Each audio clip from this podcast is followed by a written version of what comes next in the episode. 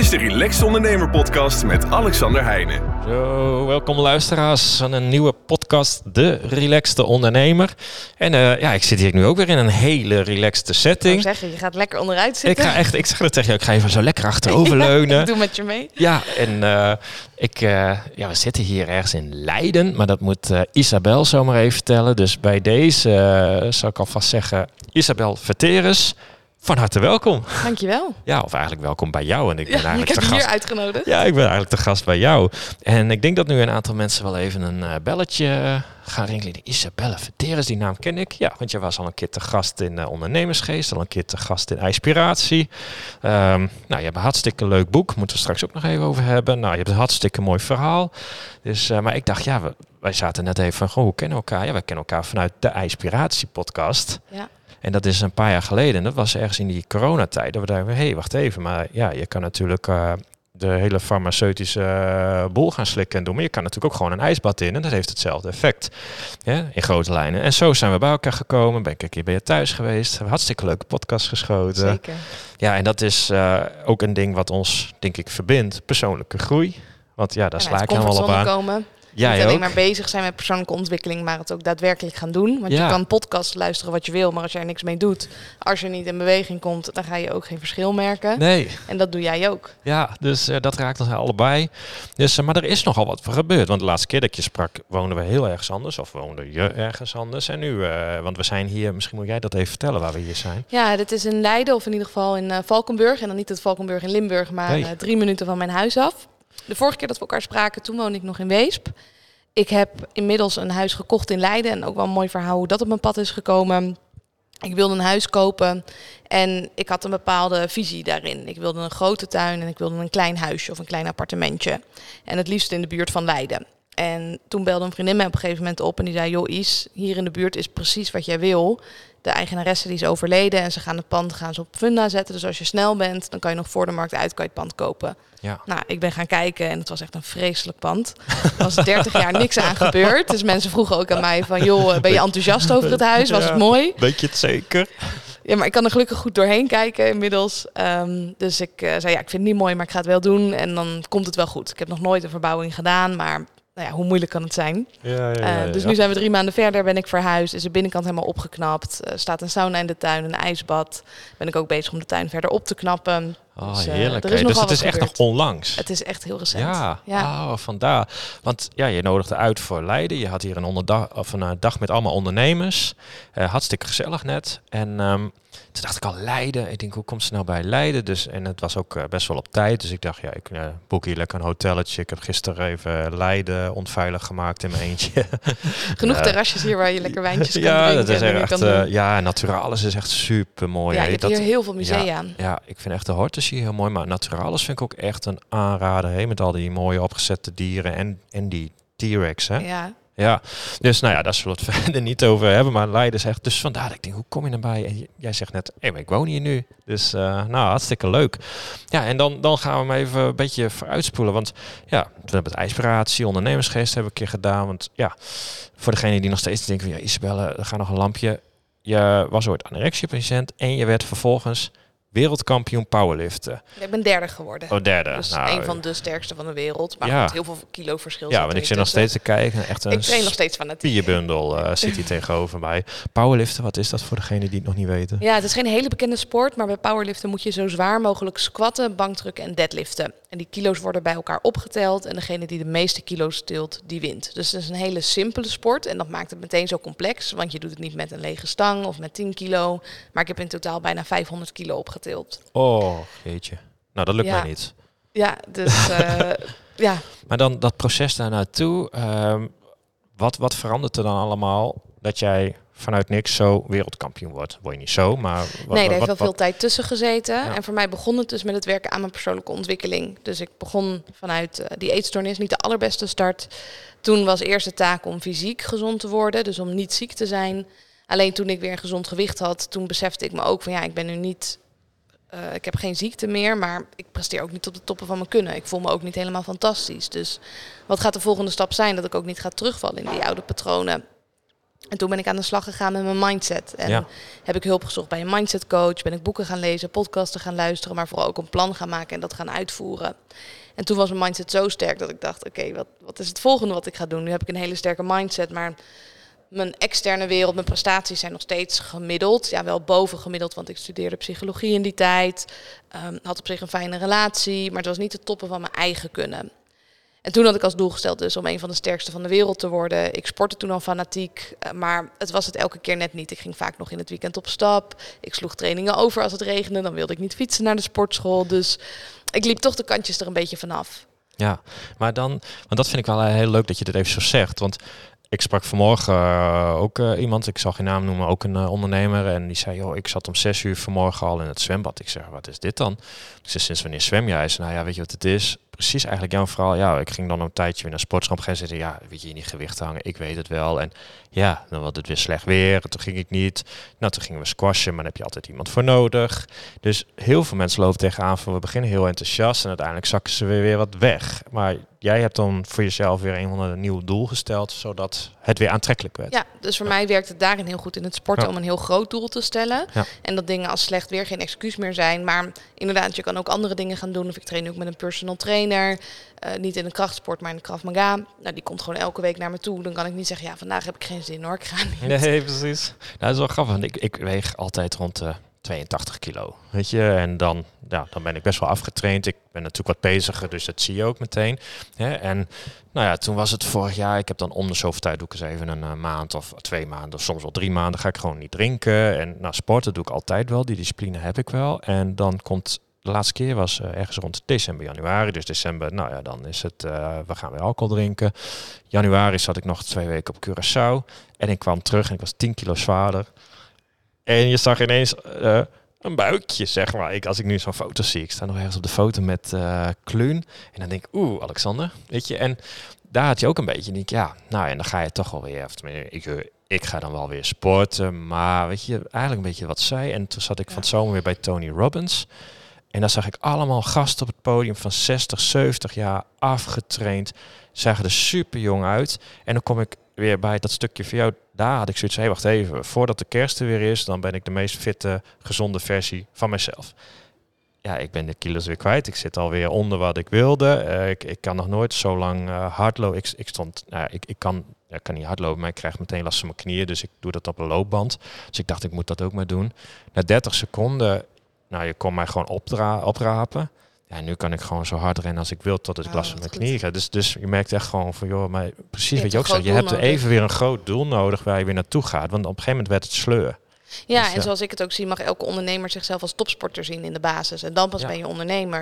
Want Ja. als je weinig energie hebt, je zit niet lekker in je vel, je hebt onrust in je hoofd, ja, dan gaat het ondernemen ook niet goed. Terwijl als je bij mij is, is sport is een non-negotiable. Ook al zit ik in een verbouwing, ook al gaat het bedrijf wel of niet lekker, ook al heb ik drukke dagen, ik sport gewoon. Ja. Minimaal vier keer in de week. Ja. En ik beweeg een half uur per dag. En ik weet ook dat als ik dat niet ga doen, dat is een soort domino-effect, dan gaan alle andere gewoontes daar ook in mee. Ja, ah, dat, dat, dat herken ik wel. En want jij stipt hem al even aan. Jij was, jij bent, maar je was echt topsporter, hoog niveau. Ik bedoel, ik blijf erbij. Je bent gewoon, je was gewoon wereldkampioen, weet je. Dat, die derde had je gewoon niet moeten zeggen. Precies. Hadden ze allemaal gedacht dat het zo was. Ja. Maar goed, je bent top drie sterkste mensen van de wereld zo'n beetje. En je maakt al even een bruggetje naar ondernemerschap. Want je zegt ook, als je gewoon goed onderneemt, is dat ook topsport. Absoluut. Ja. Ja. En, En- dan moet je meteen eigenlijk op alle vlakken moet je kampioen zijn. Want je kan niet zeggen, oh, ik ben alleen maar goed in marketing, maar niet in mijn producten of diensten afleveren. Ja, Of ik ben alleen maar goed in sales en eh, nou ja, de, de rest laat ik voor wat het is. Maar administratie, joh, is niet zo nodig. nee. Terwijl in de topsport focus je op één sport. Ik Ja. ben kampioen dan geworden in powerliften, maar ik ga niet ondertussen ook een marathon rennen. Nee, nee, dat wordt een beetje lastig. Dat wordt een beetje lastig. Dus het ondernemen is misschien nog wel zwaarder dan topsport. Ja. Want het gaat veel verder dan alleen maar je trainingen. Ja. Ja, want als jij dan ook eens, eh, hè, je, eh, persoonlijke groei is voor ons allebei, dat is iets wat je continu doet. Hè. Ik heb bijvoorbeeld vorig jaar, sinds een jaar of twee, echt bijvoorbeeld heel erg de kracht van adem. Dat ik oké, dat heb ik me weer geleerd, heb ik me weer in verdiept. Of bijvoorbeeld een bepaalde onderwerpen. Ik pak elk jaar even één of twee onderwerpen waar ik me helemaal in verdiep. En als we dan jouw reis eens even bij langs gaan van de afgelopen twee, drie, vier jaar dat je ermee bezig bent. Dan gaan we het gaan we zo ook even over je boek hebben, stoppen met uitstellen. Maar zijn er een paar dingen dat je zegt, ja, dat is mij dan ook echt bij? Of dat heb ik echt toegevoegd om nu hier te zijn? En ja, je kan niet alles eh, vertellen, snap ik. Maar ja, eh, zo aan de topsport als in het ondernemerschap zag ik dat de meeste mensen die een doel stellen, die geven in no time alweer op. Dus 90% van de mensen die een doel stelt, die geeft in twee weken op en 99% binnen een maand. Ja. Dus toen dacht ik, oké, dat is interessant. Dus niet per se de mensen met het meeste talent die winnen. En niet per se de mensen die eh, geluk hebben. Maar eigenlijk de mensen die het langste doorgaan, die hebben tussen aanhalingstekens vanzelf succes. Het is ook logisch. Als je bijvoorbeeld 10 kilo wil afvallen, dan ga jij drie keer per week naar de sportschool. Je gaat gezond eten. En als je dat maar lang genoeg doet, dan bereik je vanzelf dat resultaat. Toen dacht ik, als ik dat nou plak op de topsport. Als ik maar gewoon blijf trainen en ik word elke keer een beetje sterker en ik ga goed eten, ik focus op mijn herstel, dan word ik vanzelf, tussen aanhalingstekens, een van de sterkste van de wereld. Ook omdat ik er wat meer talent voor heb, maar ik kies ook weer mijn wedstrijd uit. En ook in het ondernemerschap, dat ik dacht, oké, veel ondernemers gaan failliet, vier op de vijf in, het eerste, in de eerste vijf jaar, negen van de tien in de eerste tien jaar. Hoe kan het dat zoveel ondernemers failliet gaan? Hebben ze dan zulke domme ideeën? Of nee, dat was ook niet het geval. De meeste mensen stoppen er zelf mee in plaats van dat ze failliet worden verklaard. Toen dacht ik, als ik gewoon het ondernemerschap doe wat nodig is en actie belangrijk maak, nou, hoe ver zou ik dan kunnen komen? Nou ja, na vijf jaar zit ik er nog steeds, dus ik denk ja, dat je had hier een hele leuke club. Dus en een hele leuke club van allemaal ondernemers die het nog steeds Ja. eh, doen. Ja. Dus die actie is ongelooflijk belangrijk. En ook al doe je dan structureel niet de meest efficiënte dingen, maar je doet het wel. Terwijl als je erover gaat nadenken en je gaat het dus uitstellen, dan gebeurt er niet zoveel. Nee. nee, want je hebt een heel leuk boek geschreven. Ik heb hem ook gelezen. Stop met uitstellen. Waarom moeten wij niet uitstellen? Ja, uitstelgedrag is het gevolg van de mismatch tussen wat je zou willen doen en wat je niet doet. En dat kost heel erg veel energie, want je bent er in je hoofd wel mee bezig, maar in de externe wereld niet. Dus je behaalt geen resultaat. Dus het is in mijn optiek alleen maar verliezen. Ja. En de oplossing is? Actie. Actie, Ja, ja. maar werken aan die mindset dus. Ja. En niet in het wilde weg in actie komen, want dat kan ook weer een vorm van uitstelgedrag zijn. Dat eh, ik bijvoorbeeld uitstel naar de sportschool te gaan en dat doe ik door in actie te komen om te gaan werken. Dus of ik stel uit om rust te nemen. Dus actie nemen door te gaan ondernemen kan juist ook weer een vorm van zelfsabotage zijn. Dus het begint bij die mindset van oké, waar sta ik nu op dit moment? Waar wil ik ook uiteindelijk naartoe? En hoe kan ik ook die weg van A naar B uit gaan stippelen voor mezelf? Ja.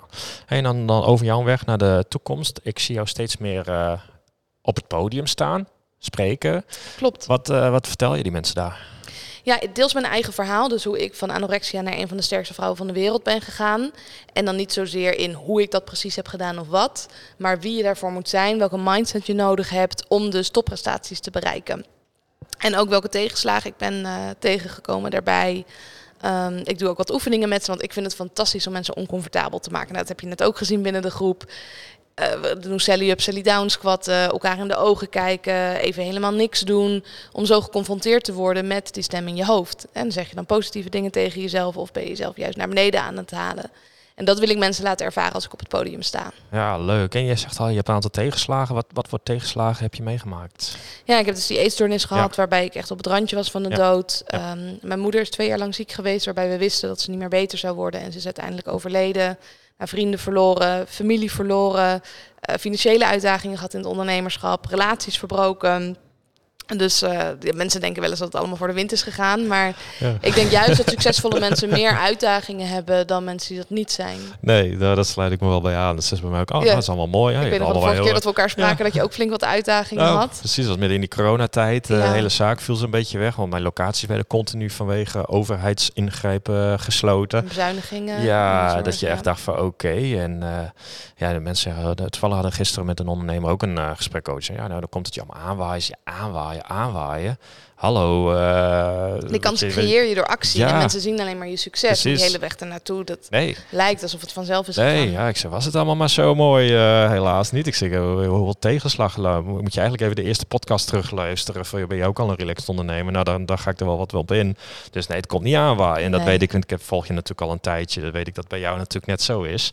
Hey, en, en dan heb ik een tijdje vroeg opgestaan. En toen dacht ik, nou, nu is het 20, is het weer donker. Dus ik stopte mee. Maar ik zie dat jij dat ook doet. Ja. Hoe kwam je daarbij? Dat Ik- was in de tijd dat ik net begon met het werk aan mijn persoonlijke ontwikkeling. En toen ging ik kijken naar mensen die bepaalde eigenschappen hadden die ik ook wilde hebben. Ja. En ik wilde graag strikt en consequent zijn, want ik stelde alles uit en dat begon met het opstaan. Dan ging ik snoezen en dan drukte ik minimaal drie keer die snoesknop in. En dan begon ik de dag al met uitstelgedrag.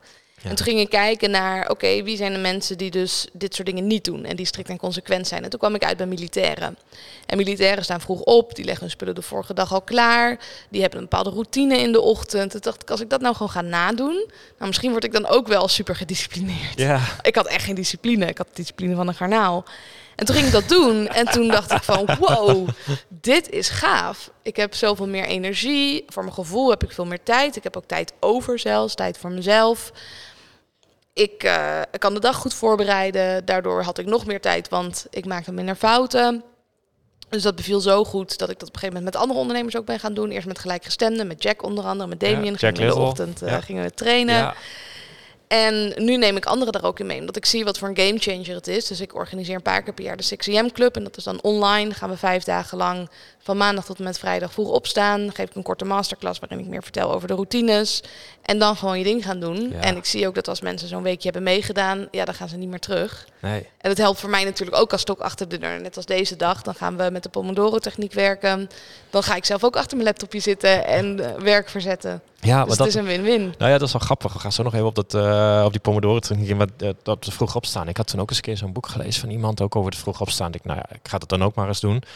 Ik had er niet zo heel veel zin in, maar ik ben het wel gaan doen. Maar wat mij ook opviel was vooral de productiviteit in de ochtend. Want Ja. eigenlijk voordat mensen het kantoor bij ons binnenkwamen, had ik al een sessie sportschool erop.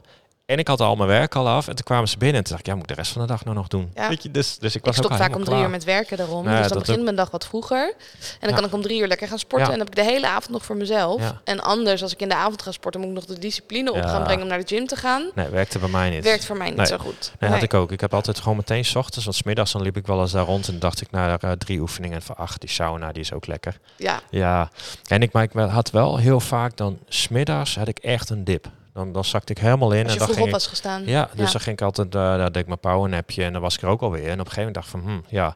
En zomers lukt het mij heel goed. 's Winters vind ik het vervelend, want dan is het nog allemaal donker en denk ik van, ja, weet je, en ik heb verder niks te doen. Dus, nou, dan blijf ik liggen. Dus ik merk, en ook gewoon dat ik denk, ja, in de, in de winter heb je, moet je gewoon rustiger aan doen. Dat is ook een Ja, ik beetje heb in de winter ook wat meer Ja. slaap nodig Ja, dan in de zomer. Ja. Ja. het gaat er ook niet zozeer om dat je dan geforceerd om vijf uur of zes Nee, uur opstaat. Maar Ja. dat, dat je vind ik net leuk dat je even dat wat ook zegt. opstaat. Ja, nou precies. Nou, daar, daar sluit ik me helemaal bij aan. Dus dat, eh, dat heb ik net zo. hey, en dan, ehm, ja, we hebben het net ook eh, gehad eh, over, over, je zei al Pomodoro techniek. Ik weet dat je me uitnodigt hiervoor, kom je ook. Nou, en ik had eerst zoiets van, ja, Pomodoro techniek, weet je, dat weet ik allemaal wel. Ik weet niet of ik daar wel zin in heb. En dacht, nee, ik vind het gewoon hartstikke tof dat je me uitnodigt. Daarnaast is het een mooie manier van netwerken. Maar het leuke was dat je ook helemaal niet helemaal op die theorie inging. Het was gewoon, hup jongens, aan de bak, wekkertje gaat. dus we zaten hier gewoon met z'n allen te werken. Dus ik had nu net ineens al mijn werk af. Dus Ja. eh, waar, waar, waar- hoe kwam je hier zo op? Nou, ik begeleid natuurlijk ondernemers en mijn slogan is wie zijn plan uitvoert, die wint. Dus wat ik onder andere doe met ondernemers is een plan maken, want daar begint het al mee. Maar op een gegeven moment zag ik van, hé, hey, die ondernemers, die, die spreek ik wekelijks en een deel van de doelen lukt wel en een deel van de doelen lukt niet. Ja. En ik zie de mensen met wie ik werk ook als topsporter. En als ik dan kijk naar topsportcoaches, die gaan ook naast de atleten staan en die gaan meekijken. Toen Ja. dacht ik, nou, dat moet ik dan ook gaan doen. Ja. Dus ik ben een zaal gaan afhuren de eerste keer. Toen zijn met z'n allen daar gaan werken. En dat werkte zo fijn dat ik dacht, dit ga ik gewoon vaker organiseren. En dan nodig ik klanten en wat mensen uit mijn eigen netwerk uit. Dat je ook zei, het staat niet op de website. Nee, dat klopt. Nee. Ook niet iedereen kan meedoen met de Olympische Spelen. Dan kan je ook niet op een site ergens inschrijven. Dus nee, niet iedereen die komt zomaar bij mij op mijn dagen. En dan zorg je ook dat de groep gelijkgestemd is. Dus eh ja, maar dat vond ik grappig. ben ik daarmee want ik, begonnen. ik dacht, ik ga eens even een beetje rondvragen hier. En de ene helft zegt, ja, weet je, ik had het niet nodig, want ik had het wel gedaan. En de andere helft zegt, ik had dit dus ook echt nodig. Ja. Want anders ga ik het gewoon niet doen. Dus ik denk, En de oh, mensen die zegt ik Ja. heb het niet nodig, klopt Ja. ook niet helemaal. Dus als ik ze dan spreek, dan is het ja, ik doe dit wel, maar ik neem dan bijvoorbeeld geen rust. Of ik doe het wel, maar ik ben snel afgeleid. Dus iedereen heeft het nodig. Ja, nee, ik vond het vooral heel grappig. Ik dacht, ga je nou de hele ochtend over de, die techniek praten? Maar nee, het was gewoon, dit is het. Hupsakee, aan de bak, de wekker gaat. Ik wil dat als mensen hier weglopen, dat ze zeggen ja, ik heb veel gedaan. Ja, Dus ik heb iedereen ook even gevraagd van joh, is dat gelukt? ja, Ik heb alleen maar ja's gehad. ja nee, klopt. Iedereen was enthousiast. Leuk club mensen ook trouwens. Ja. Dat moet ik je nageven. Of me nageven. Nee, dat vind ik een compliment. Want dat is ook altijd maar weer wat, eh, wat je bij elkaar verzamelt. Hey, en dan in jouw prestaties, eh, en dat komt wel vaker naar voren, geld verdienen. Ja, uiteindelijk moet, eh, moet de hypotheek betaald worden. Maar Ja, en, en je hebt een onderneming, je doet geen Ja. vrijwilligerswerk. Dus een onderneming is, je biedt product of dienst aan en daar vraag je geld voor. ja, En een goede prijs. Niet, eh, Nee, maar daar hadden we het over. Ik zei, ja, ik, ik- ja, wij moesten eens een keer uh, met NLP, deden we die master. En dan moesten wij een, uh, ook een drijfveer testen en alles. Nou, dat was allemaal prima. Dus alleen, ja, bij mij kwam alles erin voor, maar geen geld. dat ze zei, hoe kun je nou ondernemen als er geen geld... Ja, ik zei, dat is totaal geen drijfveer. Op een manier zeg ik altijd, als iets allemaal goed is, leuke mensen, dan komt geld vanzelf. Maar ik, ben ik er wel eens over nagedenken. En toen kwamen we net op een gesprek waarbij jij ook natuurlijk uh, heel terecht zei, ja, maar op een gegeven moment, ja, dan, dan hebben we iemand geholpen. En dan zei bijvoorbeeld mijn vrouw of uh, mijn compagnon in een van de zaken ook, heb je factuur gestuurd? Ja, nee, ja, nee, vind ik lastig. En nou, dan krijg ik gewoon zo de mieter. En in bepaalde dingen laat ik dat nu ook anderen doen. En ik ben er echt heel slecht in. Maar het is wel een ding waar jij meteen zei, ja, niks ervan. Hupsakee. Ik dacht, ja. Ja, er zijn verschillende redenen voor. Ik zie geld als energie. Dus hoe meer energie je hebt, hoe meer je ook weer kan geven en hoe meer je kan creëren. Ja. Dus hoe meer geld ik heb, hoe meer gave dingen ik kan doen. Dus ik heb bijvoorbeeld een uh, eh, VA en ik heb laatst uh, Virtual Assistant, virtual assistant uh, die zit nu in Spanje, omdat ik haar ticket heb betaald. Omdat ik zei, joh, ga lekker op vakantie. Sterker nog, uh, ik betaal je reis en ga wat leuks doen. Ja. Nou, als ik net aan voldoende geld zou verdienen, zou ik dat soort dingen niet kunnen doen. Of dan zou ik dit soort dagen niet kunnen organiseren. Of ik ben nu heel actief op YouTube, kunnen mensen ook gratis content van mij bekijken. Maar dat kost voor mij wel geld. Ja. Dus daarvoor moet ik wel geld verdienen om ook weer door te kunnen geven. Ja. Nou, ik, ik vind dat, dat dan, dan lastig. En ik, ach ja, nou ja, weet je, en dan geef ik iets één op één weg. En dan volgens, als het mislukt, dan krijg ik altijd de rekening. Dus, Ja. dat, dit- dus ik merk ook dat bij mij ook nu die mindset wel wat aan het shiften is. Wel ook omdat ik denk, ja, weet je, ik, ik heb het verder goed. Maar ja, anders gaat het natuurlijk niet worden als ik elke keer alles maar blijf weggeven. Ja, je Ja. verpest het ook voor de mensen in je markt. Ja. Die kunnen dan ook moeilijker geld vragen, want blijkbaar heerst daar de norm van we vragen er geen geld voor. Of mensen gaan minder doen met je producten of diensten. Vroeger had ik een gratis e-book met 50 tips over mindset. Nou, één op de vier mensen die het e-book downloaden, die openden het e-book niet eens. Oh, nee. Terwijl als mensen een Ja. x-bedrag voor coaching betalen, Ja, dat jij naar Tony ja. Robbins bent geweest, en je betaalt een goede prijs, reken Ja. maar dat je er naartoe gaat. Ja. En niet Ja. dat je thuis op de bank blijft zitten. Nee, dus nee. Het Ja. is ook dat op het moment dat je skin in de game hebt, dan gaan mensen er ook meer mee doen. En dan Ja. zijn ze ook tevredener. Moet je alsnog goede producten natuurlijk afleveren. Maar Ja. ja. er zijn eh, wel veel argumenten, vind ik, waarom je goede prijzen mag vragen voor hetgene wat je doet. En ook, je wilt goed voor jezelf regelen. Je pensioen, je wil je hypotheek natuurlijk kunnen betalen. Je wil een spaarpotje kunnen maken voor als er een coronacrisis komt. Of dat je zelf ziek wordt. Of dat je een andere tegenslag hebt. Nee, Dus het geeft ook een stukje vertrouwen of zekerheid. Ja, nou, ik ben het met je eens. Dus, eh, en ik merkte ook, ik ben daar een paar keer dat je best wel dat je dacht van ja, verdorie, dan, dan raak je toch wat teleurgesteld. En ik, ja, dan moet het maar zo, weet Ja. je. En dan, nou ja, je leert het ook vanzelf. Bij mij is dat echt een stuk ik denk, ja, ik moet dat echt eh, even wat beter onder de knie krijgen, want anders dan eh, gaat het er niet worden. Ja, soms moet die pijn ook groot genoeg zijn. Ja, precies. Dus, eh, nee, dus dat merk ik zelf. Maar wat wij hebben bijvoorbeeld nu op de site ook. Wij hadden een heel e-learning. En daar ging het heel over ondernemerschap. Maar ook over mindset. Nou, eigenlijk alle dingen die erbij komen kijken om gewoon een relaxed ondernemer te zijn. En daar op een gegeven moment heb ik daar met Gerard Duursma hebben we daar een heel pakket aan toegevoegd. Want zeiden ja, tegenwoordig met dat hele artificial intelligence, social media, dan moet je helemaal bij de hand genomen worden. Want ik, ja, dat is niet mijn wereld. Maar hij is daar een expert in, dus dat hebben we samengevoegd. En op een gegeven moment zeiden we ook van ja, wat, wat, wat voor prijs gaan we hier aan hangen? We hebben nu volgens mij op de site 797. Maar ook zeiden we ja, niet te laag, want het heeft gewoon een waarde. En Ja. daarnaast er zit bakken met tijd in. eh, het het klaarmaken, ervaring. editen, al die dingen erbij. En dan nog zeiden we van ja, nou, als je dat doorrekent, is het veel te goedkoop. Maar ja, we zeiden van joh, we gaan wel gewoon zo beginnen en dan zien we wel hoe zich... je kan eh, het altijd opschalen. ja, precies. Dus ik denk dat dat ook gaat gebeuren. Want zeiden van, want, want ja, uiteindelijk gaat het verkopen en dan gaat gewoon die prijs omhoog. Dus het, want het kan niet uit op deze manier. Nee, zo zie je dat Dus- Celine Charlotte vind ik een goed voorbeeld. Die Ja. maakt ook alleen maar online producten. En die is Ja. begonnen met cursussen van 150 euro. Ja.